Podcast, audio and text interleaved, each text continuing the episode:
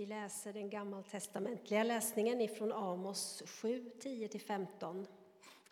Amasha, översteprästen i Betel, sände bud till kung Jerobeam av Israel.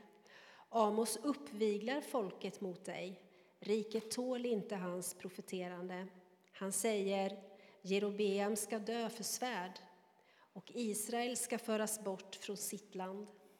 Till Amos sa Amasha Gå din väg, siare, försvinn till Juda.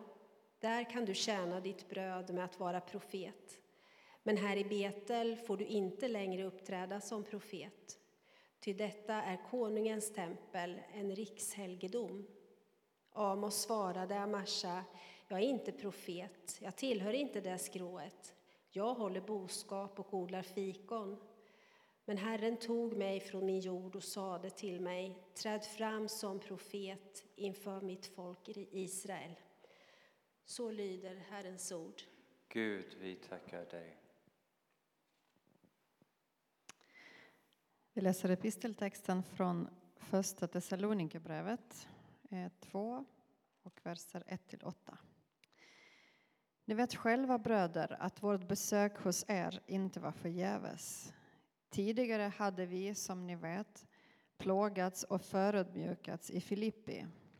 Men vår Gud gav oss mod att predika hans evangelium för er trots hårt motstånd. Bakom våra förmaningar ligger inte vilfarelser, orena motiv eller bedrägliga avsikter. Gud har funnit oss värdiga att anförtros evangeliet och därför talar vi som vi gör. Det är inte människor vi vill vara till lags, utan Gud som prövar våra hjärtan. Vi har aldrig farit med smicker, det vet ni, eller haft någon baktanke på egen fördel. Gud är vårt vittne. Och inte har vi strävat efter att bli ärade av människor, varken av er eller andra. Ändå har vi som Kristi apostlar kunnat komma med anspråk. Istället uppträder vi lika kärleksfullt bland er som en mor när hon sköter om sina barn. Av ömhet för er vill vi gärna ge er inte bara Guds evangelium utan också våra egna liv. Så kära hade ni blivit för oss. Så lyder Herrens ord. Gud, vi tackar dig. Upplyft era hjärtan till Gud och hör dagens heliga evangelium enligt evangelisten Matteus. Jesus sa till sina lärjungar, om någon vill gå i mina spår måste han förneka sig själv och ta sitt kors och följa mig. Till den som vill rädda sitt liv ska mista det. Men den som mister sitt liv för min skull, han ska finna det. Vad hjälper en människa om hon vinner hela världen men måste betala med sitt liv? Med vad ska hon köpa tillbaka sitt liv? Människosonen ska komma i sin faders härlighet med sina änglar och då ska han löna var och en efter hans gärningar. Så lyder det heliga evangeliet.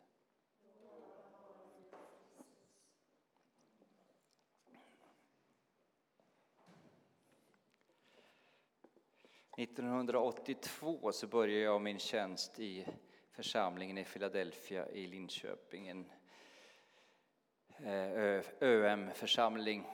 Och vi hade ett extremt intimt samarbete under några år med pingstförsamlingen i stan, Sionförsamlingen. Så jag eh, stod under Lennart Hambres ledning och samtidigt hade vi väldigt täta, tät gemenskap och gott samarbete med Peter Halldorf och Thomas Sjödin i den andra församlingen.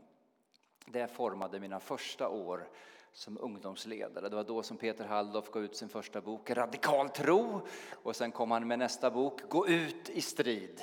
Och Lennart Hambre gav ut sin första bok som heter Lärjungaskap, ett spännande liv där till och med Ragnhild medverkar med ett kapitel. Så det var lärjungaskap, radikalitet, efterföljelse som stod i centrum.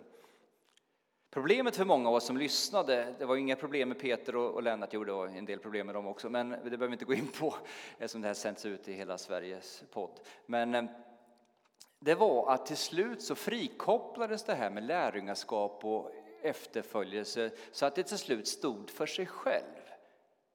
Och de här praktikerna vi höll på med, Lennart Hamberg hade någon form av idé att man skulle be tidigt på morgnarna. Så varje onsdag morgon träffades vi på det som heter Café Berget klockan 05.00 för att be. Lennart Hambre och hans lärjungar. Så jag har lärt mig att jag kan somna i nästan vilken ställning som helst faktiskt. Eh, och till slut blev ju de här olika praktikerna och vanorna till markörer som visade på vi var de hängivna. Vi var de radikala, till skillnad från de lite äldre som vi tyckte var sjukt gamla, de var säkert 35 år gamla eller någonting, som bara levde medelklassliv med villa, Volvo och vovve. Men vi var de radikala. Men vi hade sett bara det ena biten. Och en del av oss som blev så här radikala lärjungar, vi brände oss ganska hårt på efterföljelsens eld.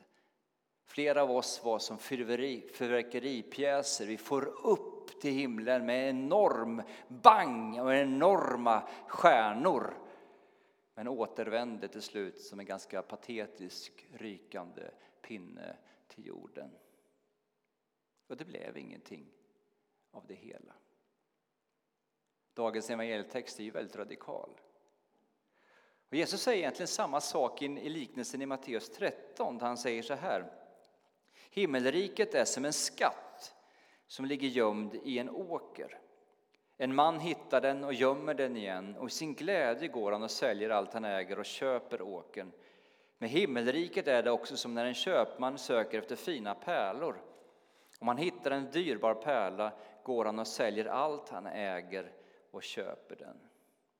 I sin glädje går han och säljer allt han äger.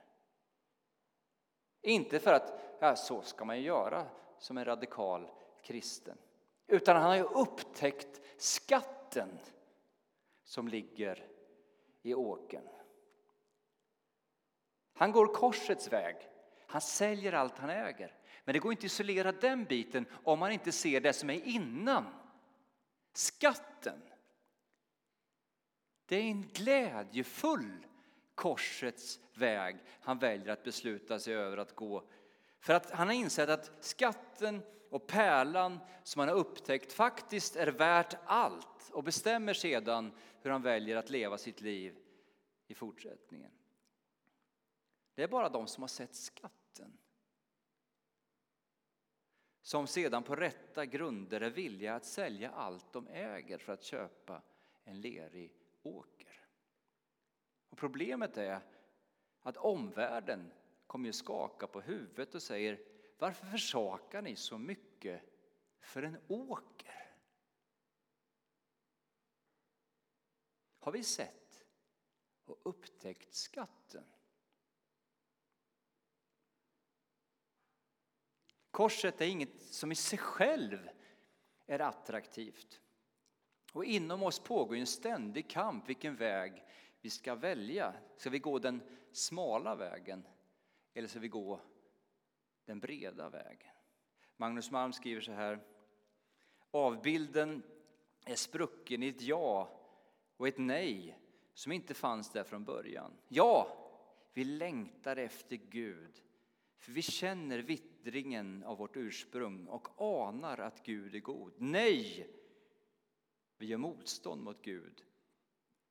För vi vill bygga vårt eget imperium och vi misstänker att Gud inte är god. Känner ni av den kampen? Och det finns bara två vägar för alla människor i alla tider som man kan gå genom det här livet. Det är den smala vägen, korsets väg. Eller den breda vägen, världens väg. Och för båda grupperna, enligt dagens evangelium, så innefattar vägarna vinst och förlust. Det är inte så att den ena vägen är vinst och den andra förlust, utan båda får kalkylera med vinst och förlust. Och därför säger Jesus i Lukas 14, behöver vi sätta oss ner och beräkna kostnaden. Räkna på vad är det vi vill vinna? Och vad är det därmed vi kommer att förlora? Vilken väg du än går på så kommer det innebära vinst och det kommer innebära förlust. Man kan formulera det på ett annat sätt. Lever jag för att förverkliga mina egna drömmar? Eller lever jag för att se Guds drömmar förverkligas i mitt liv? Thomas av Aquino, en gigantisk katolsk teolog, sa en gång så här. Lycka, det är att förverkliga Guds dröm för våra liv. Lycka är att förverkliga Guds dröm för våra liv. Synden, den breda vägen, gör oss mindre mänskliga och hindrar vårt gensvar på Guds stora drömmar för vårt liv. Den här texten är problematisk från Matteus 16. Alltså vi lever ju i en tid då många ungdomar lever med självskadebeteende och liksom självförakt och det är liksom uselhet. Ska man då prata om korset? Det kan ju uppfattas som absurt.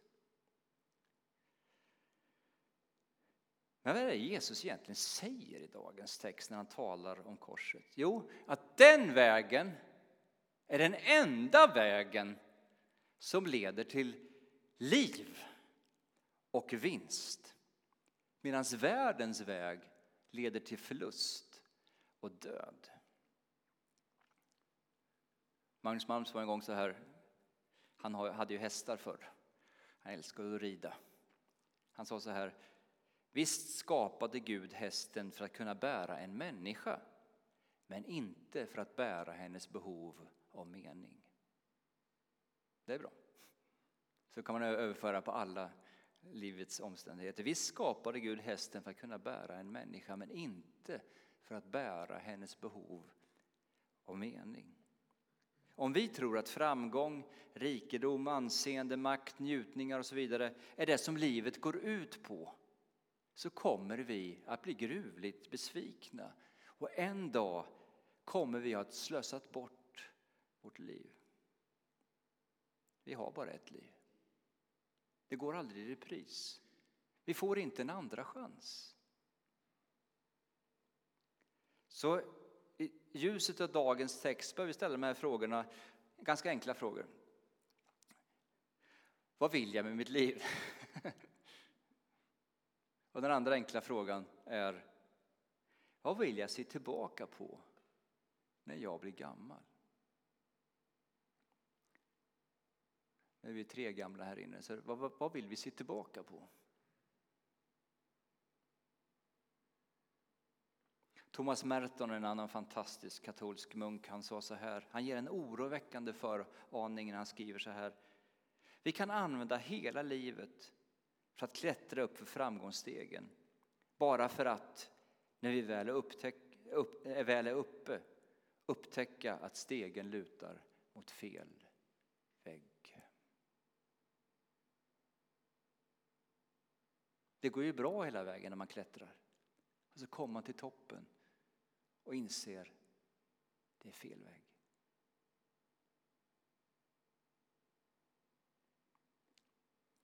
C.S. Lewis, nu kommer ett lite längre citat. Om jag inom mig känner en längtan som inget i denna värld kan tillfredsställa är den mest sannolika förklaringen att jag föddes för en annan värld. Om inget jordiskt glädjeämne kan tillfredsställa mig bevisar det inte att tillvaron är en illusion. Troligen har jordiska glädjeämnen aldrig varit avsedda att tillfredsställa oss utan endast väcka vår längtan. Att förvissa oss om existensen av det vi söker. Förhåller det sig så måste jag å ena sidan se till att jag aldrig ringaktar eller är otacksam för dessa jordiska välsignelser. Och å den andra att jag aldrig förväxlar dem med något annat av vilket de endast är ett slags skuggbilder eller ekon eller avglans. Superbra. Vi får glädja oss över de jordiska välsignelserna, njutningarna och allt det goda som Herren ger. Men vi får inte förväxla dem, att det är detta som är livets mål och mening. Jag såg en bild på Twitter eller Facebook eller någonstans på internet. World Wide Web var det i alla fall.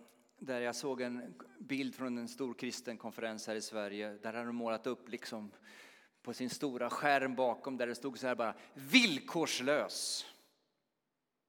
Ganska intetsägande rubrik överhuvudtaget. Men samtidigt tänkte jag så här, har de inte läst dagens evangelium? Den kristna tron är långt ifrån villkorslös. Det blir patetiskt med säger villkorslös. Nej! Jesus sa i dagens text, om någon vill, här kommer det in, det glädjefulla responsen från oss när vi upptäckt skatten. Det finns inget tvång, det finns inget manipulerande, det finns inget vridande från Gud med armen bakom ryggen, utan om någon vill, jag har sett någonting, så måste han. Det är ganska villkorligt, eller hur? Om någon vill, då måste han. Vi gillar inte ordet måste, men här förekommer faktiskt ordet måste. Då måste han vad då? Ta korset på. Korsets väg är inte en plusmeny. Det är inget extra utrustning på den kristna vandringen för de som vill vara lite extra radikala. Det är den allmänna färdvägen för oss alla. Det finns ingen annan väg. Och det är den enda vägen som leder till liv och salighet. Vad är det som måste dö på korset så att vi vinner vårt liv?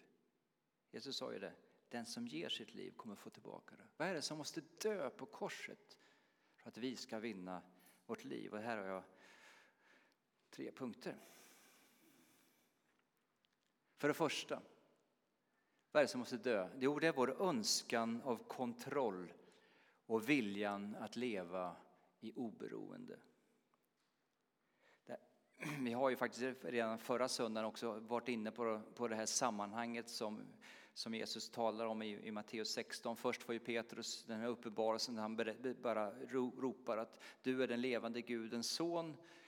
Och Jesus säger det här har Fadern uppenbarat för dig. Och så säger Jesus jag måste gå lidandets väg.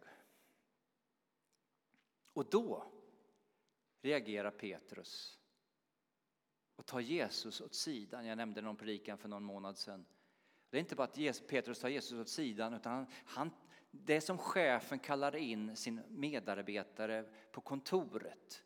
Nu ska vi ha ett litet uppföljningssamtal här. Jesus, du har inte koll på läget. Nu måste vi ha ett lite tufft samtal. Petrus säger till Jesus, följ mig.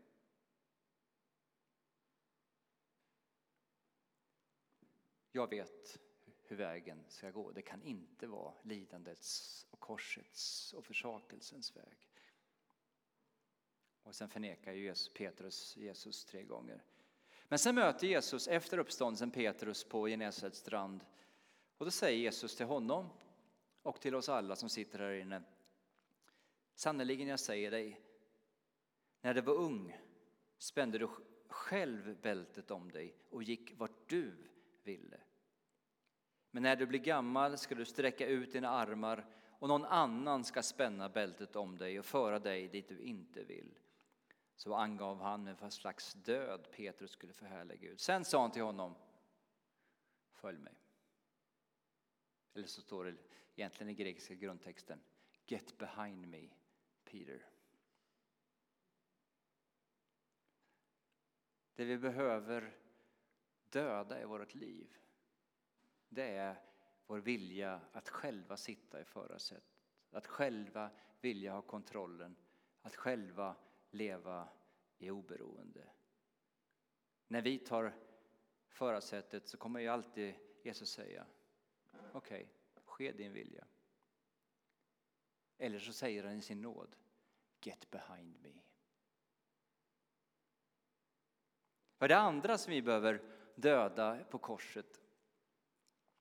Jo, allt det som krymper vårt liv och förhindrar kärlekens utflöde.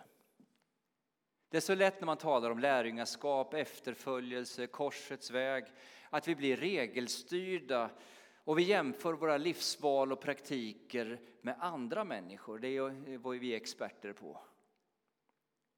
Men korsets väg är faktiskt något som är individuellt. Vi pratar ju väldigt mycket om att vi gör det tillsammans, men, men korsets väg är någonting som drabbar oss personligen och där vi inte kan jämföra oss med varandra. Så frågan blir ju som inte det, är det okej okay att göra så? Är det okej okay att leva på det här sättet? Klasse gör ju så. Per lever på ett helt annat sätt. David har en helt sjuk livsstil. Nej, det går liksom inte att jämföra, utan korset drabbar oss på lite olika sätt. Utan den övergripande frågan är det som jag återkommer i min rubrik. Vad är det som krymper mitt liv? Vad är det som gör mig mindre mänsklig? Vad är det som gör mig mer inkrökt i mig själv så att kärleken till nästan kallnar? Leder den här livsstilen, det här beslutet, den här vanan till att det blir mer självupptagen, värderar bara likes på sociala medier? Leder det här till att mitt hjärta sluter sig gentemot andra människors behov? Att jag inte längre har tid på grund av jobbet, på grund av karriären, på grund av fritidsintressena att leva i utgivande kärlek? Eller leder det här vanan, beslutet, livsvägen till att det öppnar sig nya horisonter på min livsväg?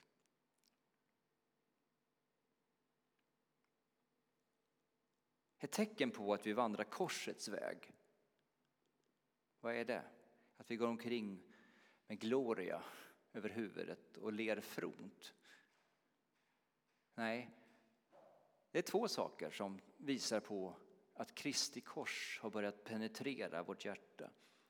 Det är att vi glömmer oss själva och vi lever för nästan. Självförglömmelsen och nästan kärleken.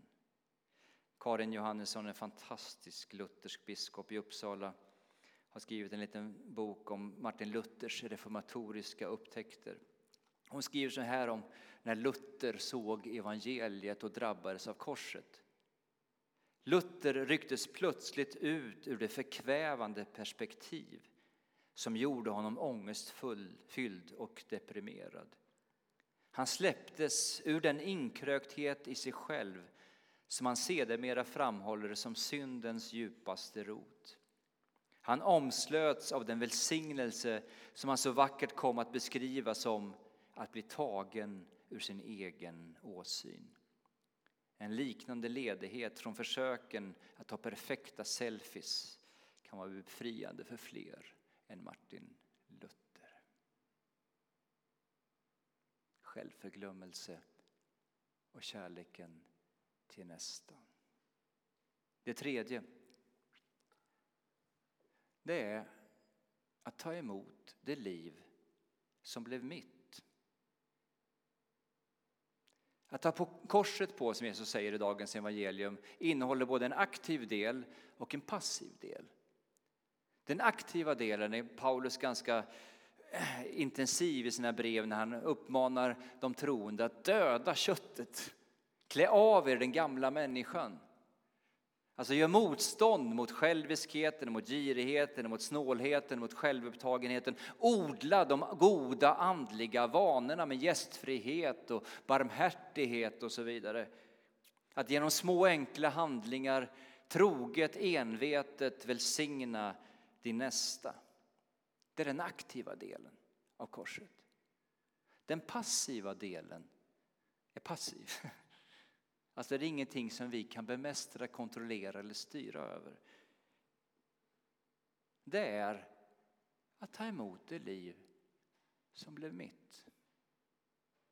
utifrån de besvikelser man upplever, de lidanden man upplever, de livsbetingelser man inte kommer ur.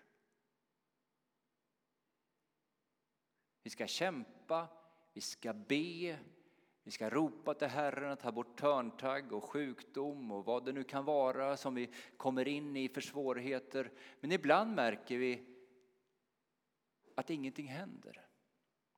Livet blir så här med min kropp, med min arbetssituation, med min familjesituation, med min ekonomiska situation. Och då innebär det att ta på, mot korset utifrån en passiv synvinkel att faktiskt tro att Gud är god och ser mitt liv och ur hans goda faders hand säga jag lever här tillsammans med dig i det som är.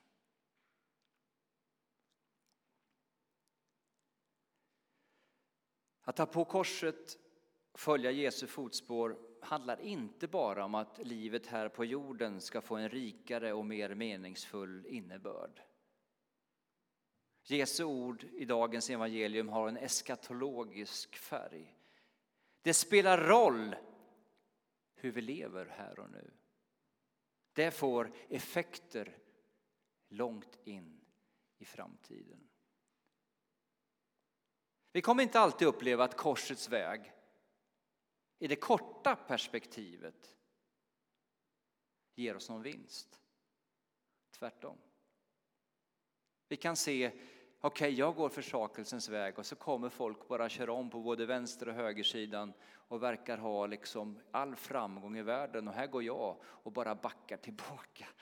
Bara ser röda siffror i mitt bokslut och det är inte någonting som, av genombrott och välsignelse som händer i mitt liv.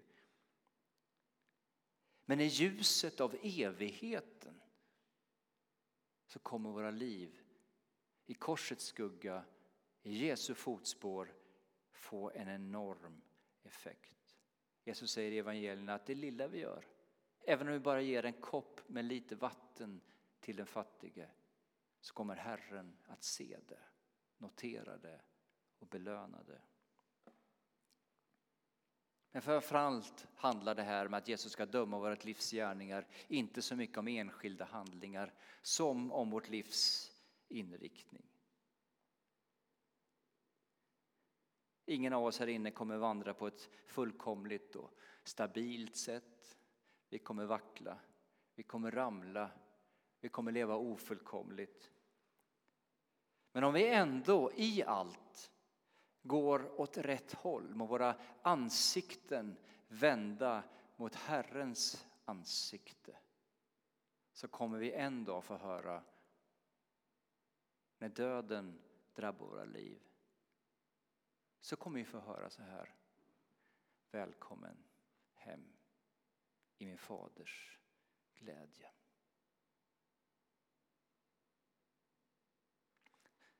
Det finns en teolog som heter Terry Eagleton han skriver så här om det Jesus nämner i den sista versen idag om den framtida domen. Då skriver Terry Eagleton om hur den framtida domen kommer gestalta sig för dem som inte har valt att leva till Guds ära. Om det finns något sådant som helvetets eld kan det bara vara Guds skoningslösa kärlekseld som bränner dem som inte står ut med den. De fördömda är de som upplever Gud som en satanisk terror eftersom han hotar att slita deras egon i stycken. Hans kärlek och barmhärtighet löser upp deras grepp över sina egna liv och riskerar därmed att beröva dem deras dyraste ägodel. Han är en kärlekens terrorist vars obevikliga förlåtelse måste verka som en outhärdlig förolämpning för dem som inte kan släppa taget om sig själva. Guds dom handlar inte om att han ska liksom smälla till dem som inte har skött sig. Guds dom handlar om att Gud vill befria oss från syndens destruktiva makter. Men så finns det de som håller krampaktigt fast vid sina dyrbaraste ägodelar, sitt ego och sitt eget val. Och Herren, som är kärlekens terrorist, ett skönt uttryck, vill befria oss så att vi kan helt överlämna våra liv i Guds barmhärtiga och allsmäktiga händer i förtröstan på att Gud allt igenom är god. Så vi kan antingen idag gå korsets väg, släppa taget om oss själva och överlämna våra liv i Guds hand. Eller kämpa med näbbar och klor för att leva våra liv på egen hand utan Gud, utan hopp och utan en framtid. Martin Luther, när han upptäckte reforma, den reformatoriska upptäckten, korsets glädje, evangeliets fantastiska sanning, så formade han ett sigill. Ni vet, på den tiden så skrev man ju brev för hand och sen så eh, hade man ju, vad heter det, vax eller någonting. Va? Och så stämplade man med sitt sigill. Det där är Luthers sigill. Vad står det för? Det står för det svarta korset. står för korsets väg som jag sagt idag. Försakelsens väg. Självförnekelsens väg. Vad händer då? Och hjärtat blir rött. Det är det enda sättet som har blivit mänsklig och levande igen. Så det är inte människofientligt, utan korsets väg är det enda som upprättar oss till hela sanna människor. Och den vita rosen står för trons glädje, tröst och frid. Och den blå himlen står för vårt saliga hopp. Det vi nu erfar ska en dag kulminera i fullkomlig glädje. När jag fyller 60 om två år tänker jag att församlingen kommer ge mig en sån här stämpel. Paulus avslutar så här. Talet om korset, det är en dårskap för dem som går förlorade. Men för oss som räddas är det en Guds kraft till frälsning. Ära vare Fadern och Sonen och den helige Ande, nu och alltid och i evigheters evighet. Amen. Halleluja.